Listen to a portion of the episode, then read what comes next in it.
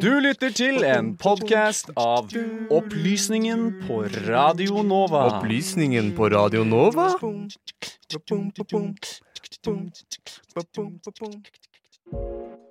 For Trump så har han både vunnet og tapt. What did I think when Maduro took power? Well, he's a clown. Det koster mye å gjøre store endringer. You know, I think if we can't do it in Norway, we can't do it anywhere. Nei, de har jo ikke noen fremtid. De sitter jo bom fast. Du lytter til Radio Novas samfunns- og aktualitetsmagasin Opplysningen.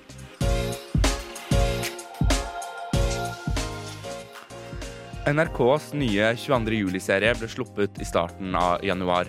Hvordan går man fram for å lage en serie om 22. juli? Åpningen av det nye Johan Sverdrup-feltet har skapt en fornyet oljedebatt. Vi spør ser vi en polarisering i debatten. I Norge kan det virke som vi har stor valgfrihet i hvilke butikker vi handler hos, hvilke matvarer vi handler og hvilke telenett vi velger. Men har vi egentlig så stor valgfrihet? Og konflikten mellom Iran og USA eskalerte under overgangen til et nytt tiår. Hva har skjedd nå i januar?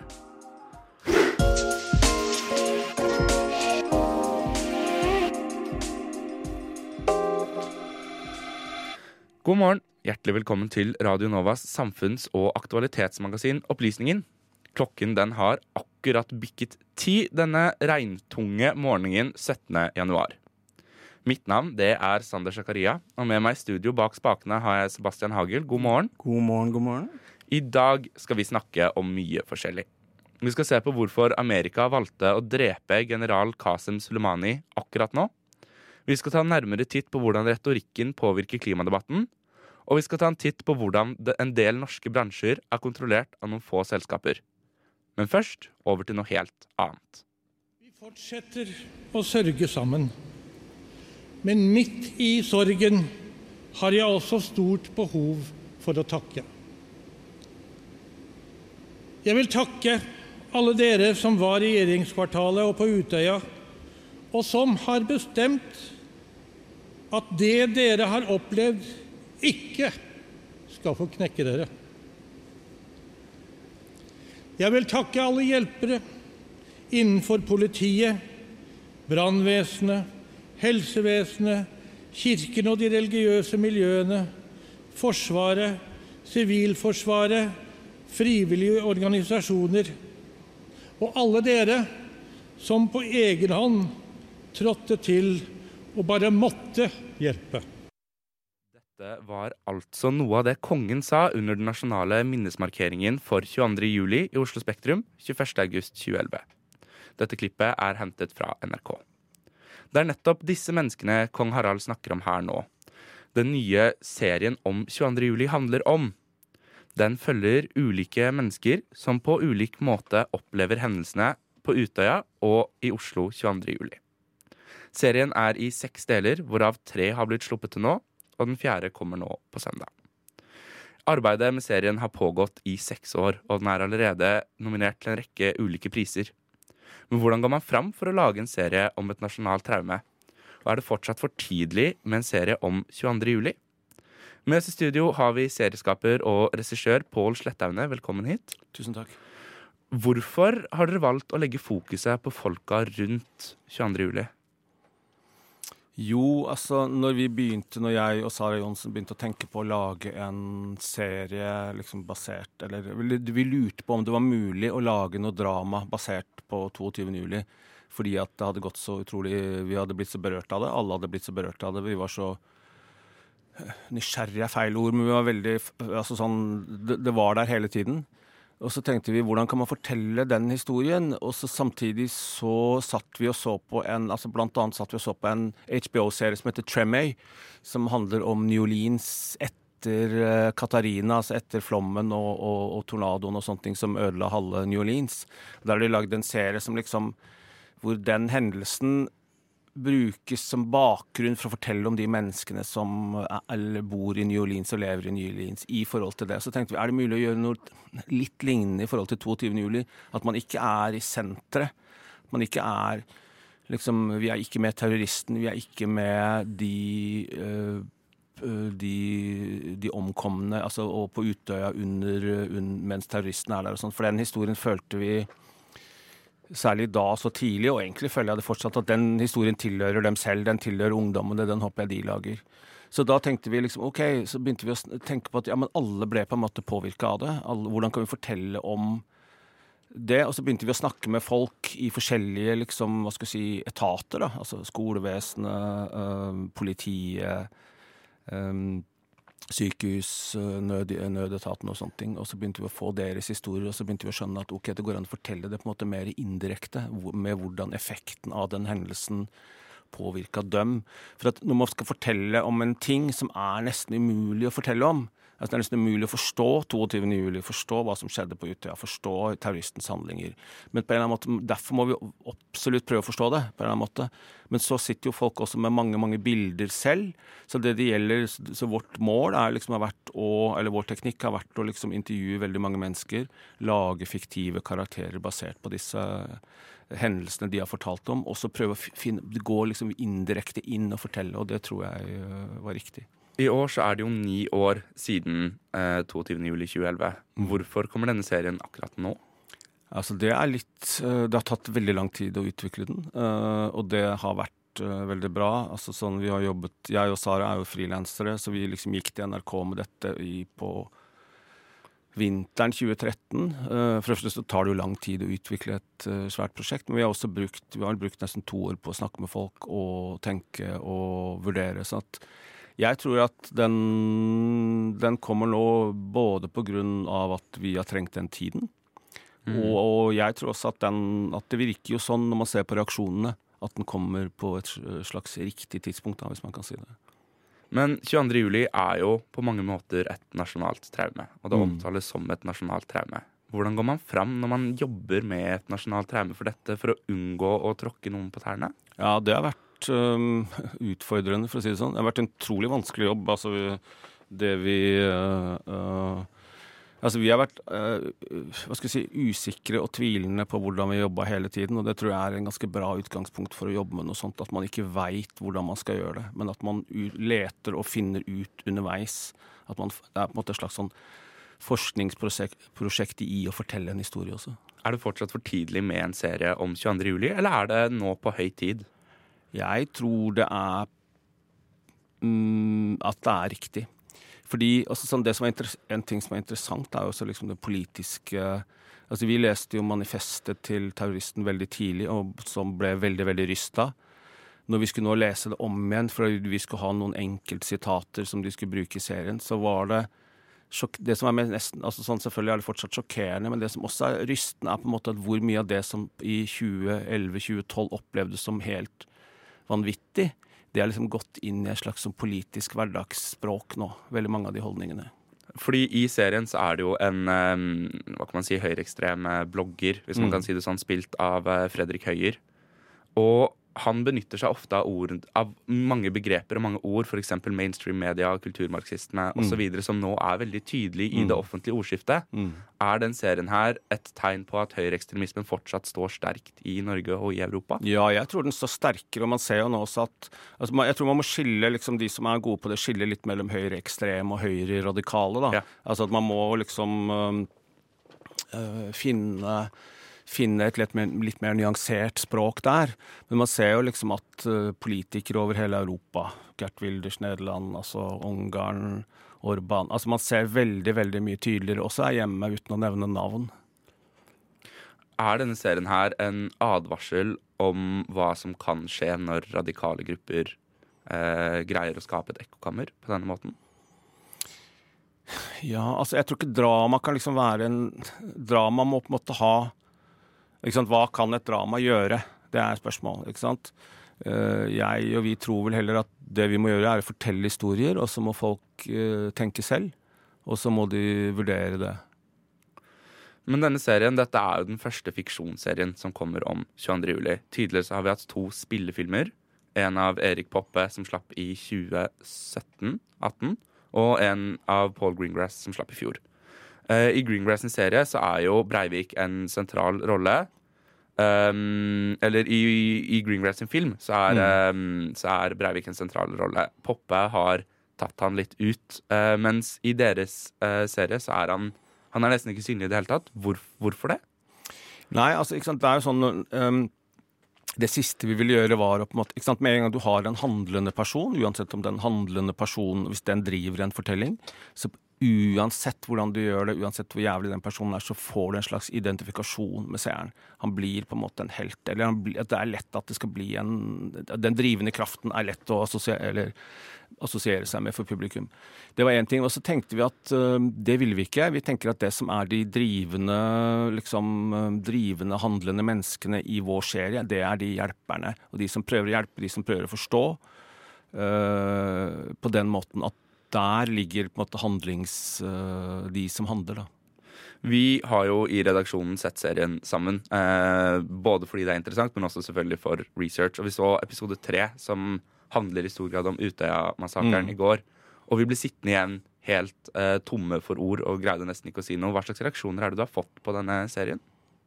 Ja, vi har fått øh, veldig, veldig sterke og, og Men veldig fine reaksjoner. Folk har vært Altså, jeg opplever at folk er, er modne for det. At de er takknemlige for måten vi forteller på. Og, så vi har fått veldig, veldig gode tilbakemeldinger også fra folk som var på Utøya, politikere som var engasjert. Altså folk som var øh, førstehånds til stede. Har dere fått noe kritikk? Nei, ikke så mye. Altså sånn, ikke sånn um, Ikke som jeg har opplevd. Dette er jo en helhetlig NRK-produksjon. altså det er NRK som har produsert serien i stor grad. Har dette vært viktig for dere at det skal være NRK som står som avsender? Nei, altså som jeg sa, at jeg og Sara Johnsen vi er jo på en måte frilansere. Vi er liksom regissører. Vi jobber for de som vil gi oss penger til å lage film. Ja, Sara Johnsen er jo da blant annet manusforfatter og Ja. serieskaper sammen med Ja, deg. ikke sant? Så, så vi har gjort serien helt sammen. Eh, så, men vi tenkte at når vi gikk til NRK, var det også fordi vi tenkte at dette var en serie som For det første at de kunne ha eh, interesse av å, å, å bruke tid og ressurser på. eh, og at det var riktig at det er på NRK, føler jeg. For, at, for det har også tatt en masse ressurser med å utvikle serien, og man må gjøre, sånne ting må man gjøre veldig veldig alvorlig og ordentlig. Pål Sletthaugen, serieskaper og regissør bak den nye 22. juli-serien. Tusen takk for at du kunne komme hit i dag. Takk for meg. Du hører på Radio Novas samfunns- og aktualitetsmagasin Opplysningen. Opplysningen hver fredag mellom klokken 10 og 11 på Radio Nova.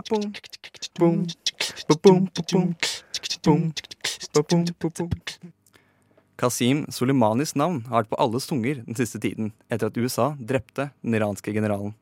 I rett i innslaget, produsert av meg, Sebastian Hagel, skal du få høre hva som gjorde han til et attraktivt mål. Vi vil advare mot høye fyrverkerlyder som kan minne om bombelyder.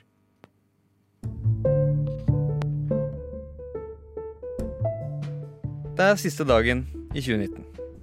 Vi er på vei inn i et nytt tiår. En ny start. For de aller fleste er dette en festdag. En dag for å feire at jorden har gjennomført nok en suksessfull fullstendig rotasjon rundt sola, blant annet. Denne dagen markerer også et skifte i den alltid flyktige posisjonen til Amerika i Midtøsten.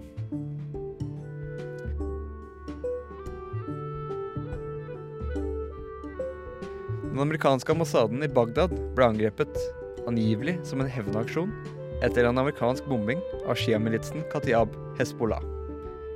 Iran har ikke innrømmet å støtte dette angrepet, men amerikanerne holder de ansvarlige for all materiell og menneskelig skade utført nyttårsaften 2019. Trump skriver på Twitter They will have to pay a very big price. This is not a warning, it is a threat. Happy New Year.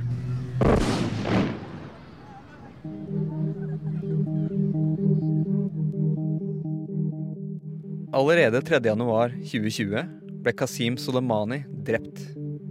Den iranske generalen og lederen av Quds-gruppen ble likvidert i et amerikansk droneangrep i nærheten av den internasjonale flyplassen i Bagdad.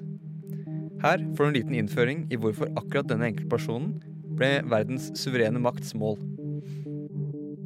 Qasim Soleimani har blitt døpt av en rekke kilder i etterkant av drapet som en av Irans mektigste og mest folkekjære menn. Noe som ikke er feil, men dette er ikke grunnen til at han var målet for dette angrepet. Soleimanis evner og makt lå nemlig utenfor Irans grenser, i den fragmenterte Midtøsten. Han jobbet med militsene og de ikke-statlige militære aktørene i Midtøsten. I land som Irak og Syria har de sentrale myndighetene blitt svekket til det punktet at de ikke lenger har militær kontroll over egne landområder, som gir god grobunn for usentraliserte maktstrukturer i form av organisasjoner som den kurdiske YPG-styrken eller Hezbollah i Libanon og Qatayb-Hezbollah i Irak. Det var denne typen organisasjoner Soleimanis makt lå hos. Han støttet organiserte de uavhengige militsene med fokus på Shia-militsene Iran har religiøs tilhørighet til, slik som Qatai Hezbollah. Eksempelet Irak er et finurlighet, gitt at landet praktisk talt har vært i uorden siden 2003. Militsene og de ikke-statlige aktørene har vokst seg så innflytelsesrike at de enten har en uoffisiell regjeringsmakt, eller at deres ledere sitter i den offisielle regjeringen i Bagdad. Et eksempel på dette er Kataib, Hezbollah-grunnleggeren og en av lederne for Iraks Popular Militarization Forces, Abu Madi al-Muhandis. PMF er en organisasjon som er opprettet i 2014 for å bekjempe den islamske stat, hovedsakelig i Irak, men også i Syria senere. Og fronten besto i hovedsak av Shia-militser, slik som den tidligere nevnte Iran-vennlige Kataib Hezbollah. PMF ble i 2017 en offisiell enhet i den irakiske regjeringen. Soleimani og al-Muhandis samarbeidet fremdeles tett, og Al Jazeera omtaler al-Muhandis som Soleimanis fremste irakiske rådgiver. Al-Muhandis satt i samme bil som Soleimani under angrepet 3.1 og mistet også livet.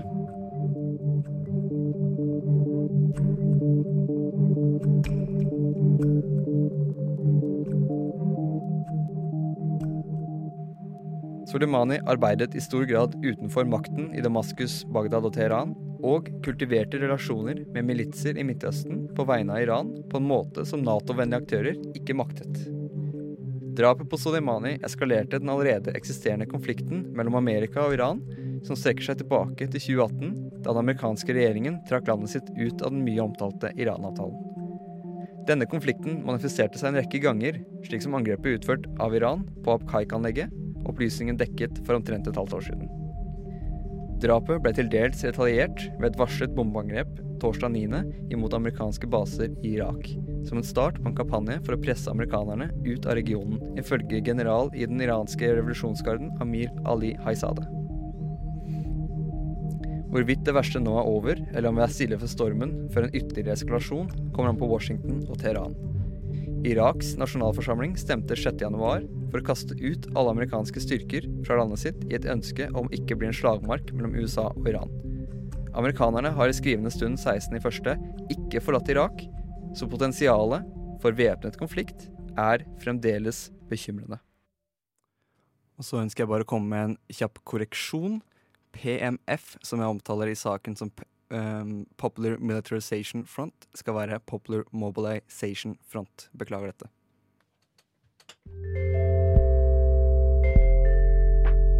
Teknologi og digitalisering gjør at det vi ikke fikk til for noen år siden, det er mulig nå. At det å stadig vekk skulle balansere mellom frihet og ufrihet Det er ikke noe særlig lurt å stole på viljestyrken, f.eks. Kirkas demokratisystem. Opplysningen hver fredag fra klokken 10 til 11.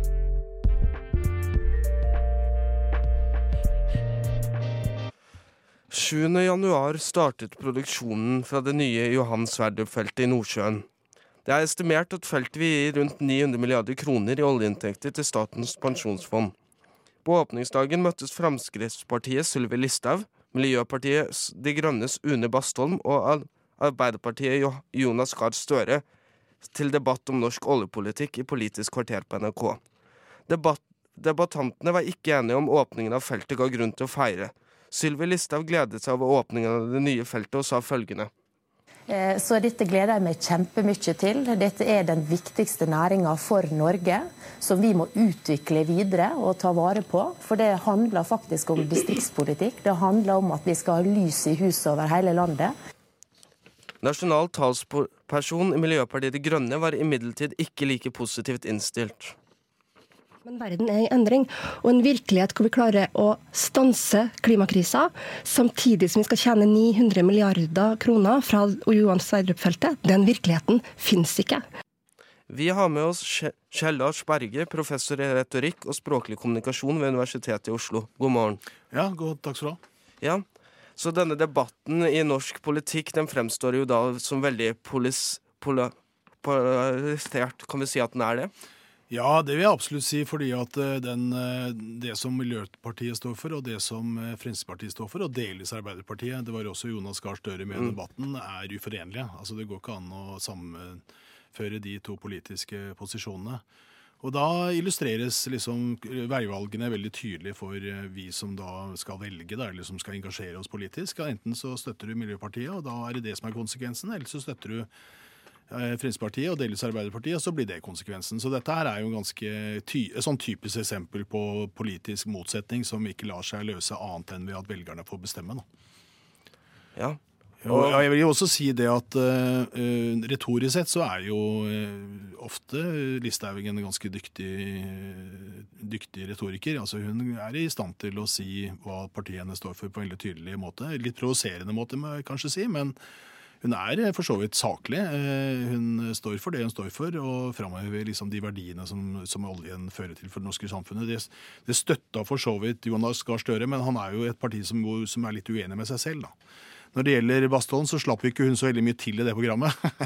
Men hun eh, er også en dyktig retoriker. Hun er veldig flink til å ytre tydelig og klart hva som er Miljøpartiets standpunkt. Så, sånn sett så syns jeg dette var en veldig interessant debatt, og, og interessant å studere ut ifra det grunnlaget som jo eh, politikken er. Altså at politikk er å eh, diskutere ting som vi er ikke enige om. Og da må det bli litt sånne tøffe runder som dette her, tror jeg.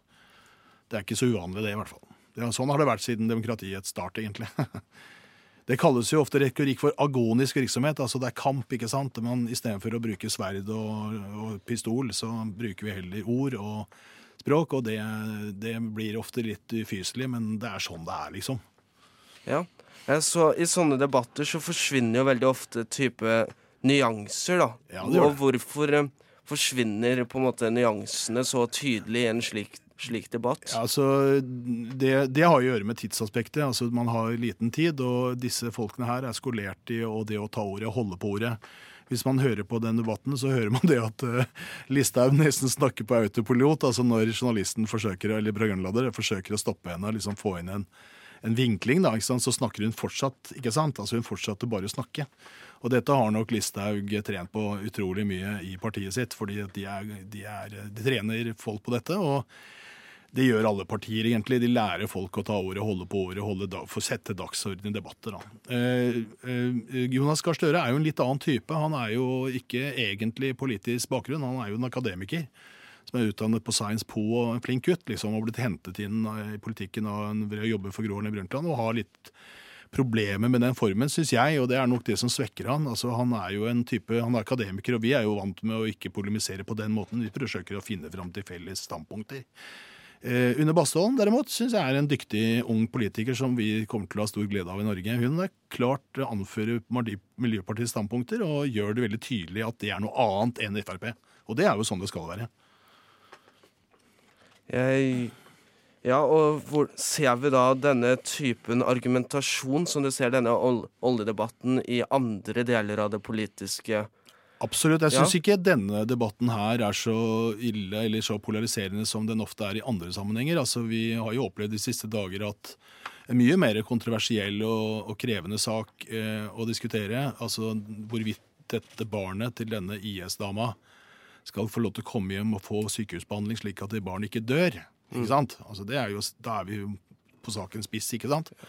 Det at eh, et parti som Frp eh, er villig til å gå ut i regjering på en sånn sak, og nærmest eh, får hysterisk anfall på TV på direkten, som Jon Hallegheim gjorde i år. Han var jo helt rabiat, vil jeg si, ute stand til å høre på motargumenter. og det er, det er ganske underlig. Altså, som da Ropstad forsøkte å si på en sindig måte, altså han fra KrF, som jo sitter i regjering, så sa han jo det at og det er jo kjensgjerning, det står jo også i VG i dag.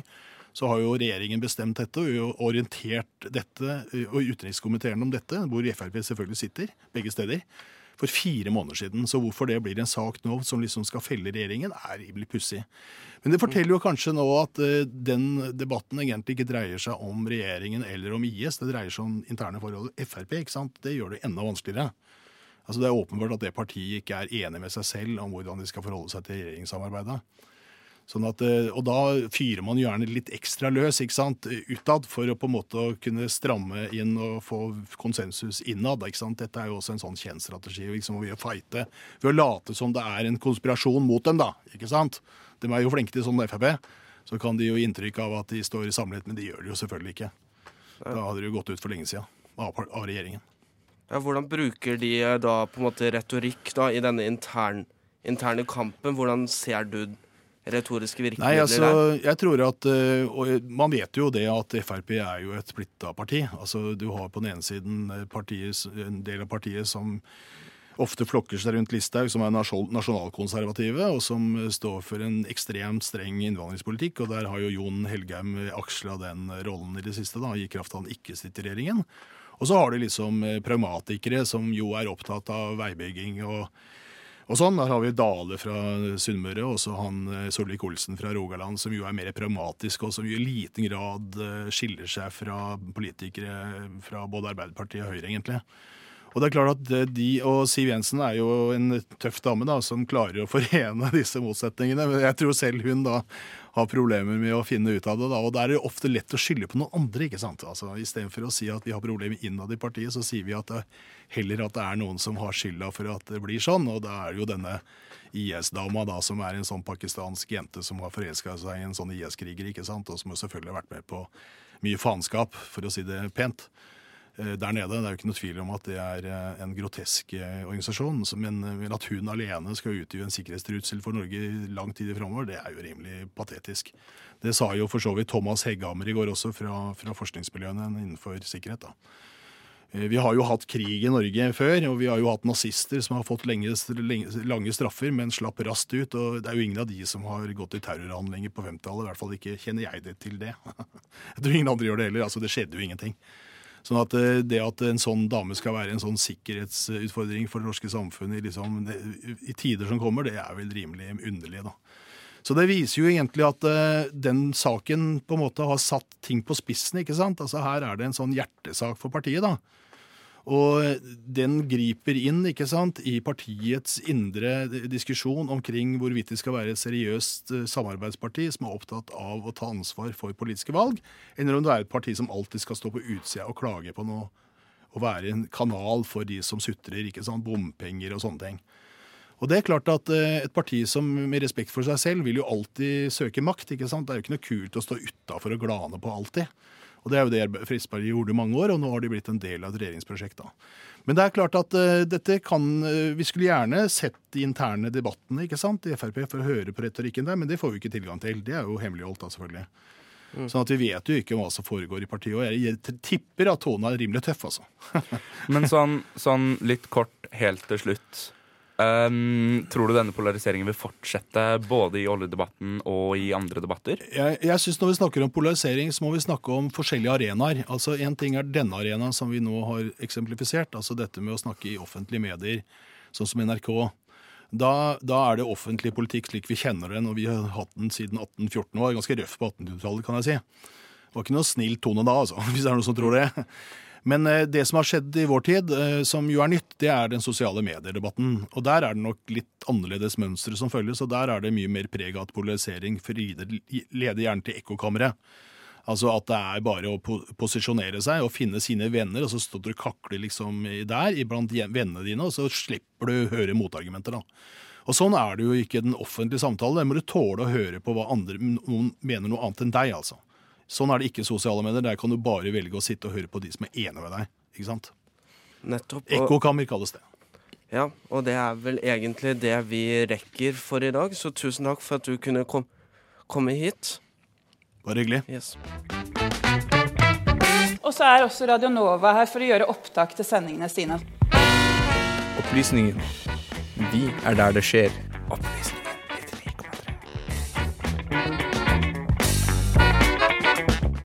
Yes! For mange kan det kanskje virke som om Norge har stor valgfrihet i hvilken butikk vi handler i, og hvilke matvarer vi handler.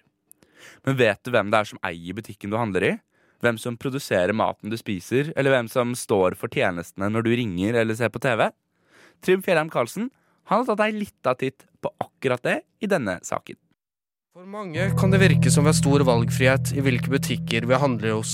Stor valgfrihet med mange forskjellige mat- og husholdningsvarer. Men én ting folk kanskje ikke vet, er at det er noen få aktører som er i mange av butikkene vi handler i. Noen få aktører som er i matvarene, husholdningsproduktene vi kjøper, og noen få aktører som er i store deler av telenettet, bredbånd, fjernsynstjenesten. Dermed kan det virke som om valgfriheten ikke er så stor som en kanskje skulle tro.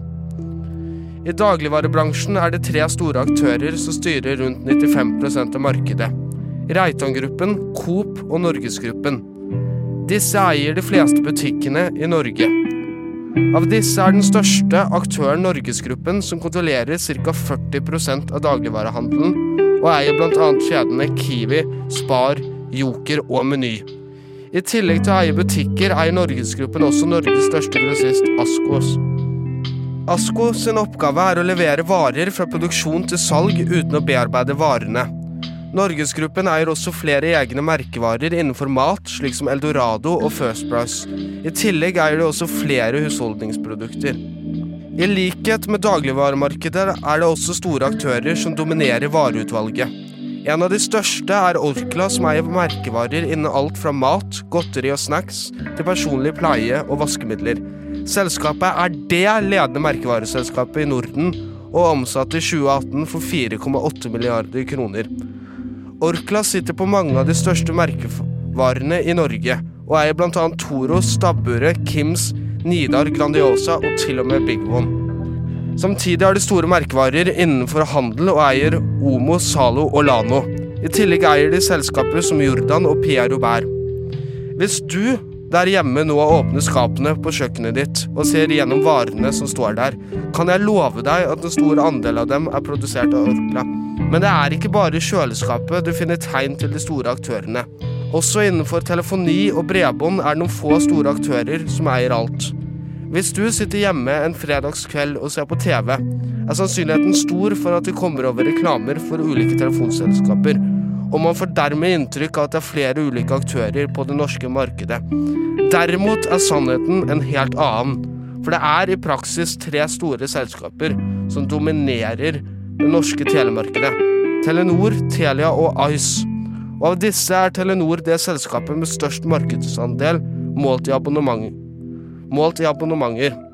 Fordelingen mellom de tre aktørene forteller oss at det er Telia og Telenor som i stor grad dominerer telefonibransjen.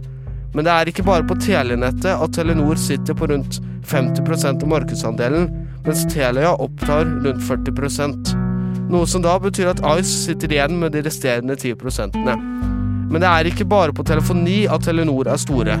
De eier også bl.a. selskapene Kanal Digital, som er Norge og Nordens største distributør, Norakring, som kontrollerer store deler av det norske bakkenettet, og DAB-nettet, og i tillegg sitter de på en tredjedel av aksjene i Norges Televisjon, som har ansvaret for kringkastingen. De to andre aktørene er TV 2 og NRK. Og i fjor høst ble det avklart at Viasat slås sammen med Kanal Digital, og dermed vil også Viasat eies av Telenor. For mange av oss kan det da virke som det er stor valgfrihet i hvor vi handler, hva vi handler og hvor vi får bredbånd og telefondekningen vår fra. Men i realiteten er det noen få store aktører som i stor grad styrer deler av det norske markedet. Så når du kommer hjem i kveld, se gjennom skapene dine og se hvem som har produsert det du spiser. Du hører på Opplysningen Hver fredag mellom klokken 10 og 11 på Radio Nova. Radio Nova. Ja, ja, ja, ja, ja, da begynner vi å nærme oss slutten. Eh, men frykt ikke. Bli på kanalen litt til. Fordi i studio nå så har vi Nora fra Studentnyhetene. Hei, som hei.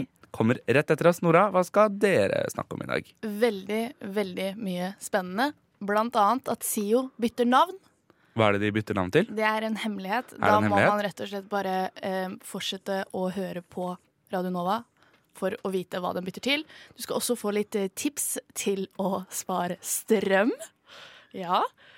Og em, værmeldingen for helgen er jo alltid kjekk å få. Pluss mye, mye annet spennende skal du få høre hos oss. En ordentlig godtepose der, altså, i Ja. Studentnyhetene. Så ikke bytt kanal, bli her litt til. Og med det så tenker jeg vi skal takke for oss. Følg oss gjerne på sosiale medier. Eh, opplysningen der du eh, finner dine sosiale medier. Mye, mye spennende og fint som legges ut der. Nå, akkurat nå, så tar Radionova inn nye medlemmer. Så har du lyst til å jobbe med radio, få litt erfaring, eller kanskje bare lære deg teknikk, så søk. Eh, Både uerfarne og erfarne søkere er hjertelig velkommen. Finn gjerne opplysningen der du ellers finner podkaster. Medvirkende til denne ukens sending det har vært Sebastian Hagel, Mathilde Israelsen og Trym Fjellheim Karlsen. Mitt navn det har vært Sander Zakaria. God helg, og så ses vi neste uke. Du har nå hørt en podkast fra Opplysningen 99,3. Finn denne og tidligere episoder på Spotify, iTunes eller der du måtte finne dine podcaster ellers.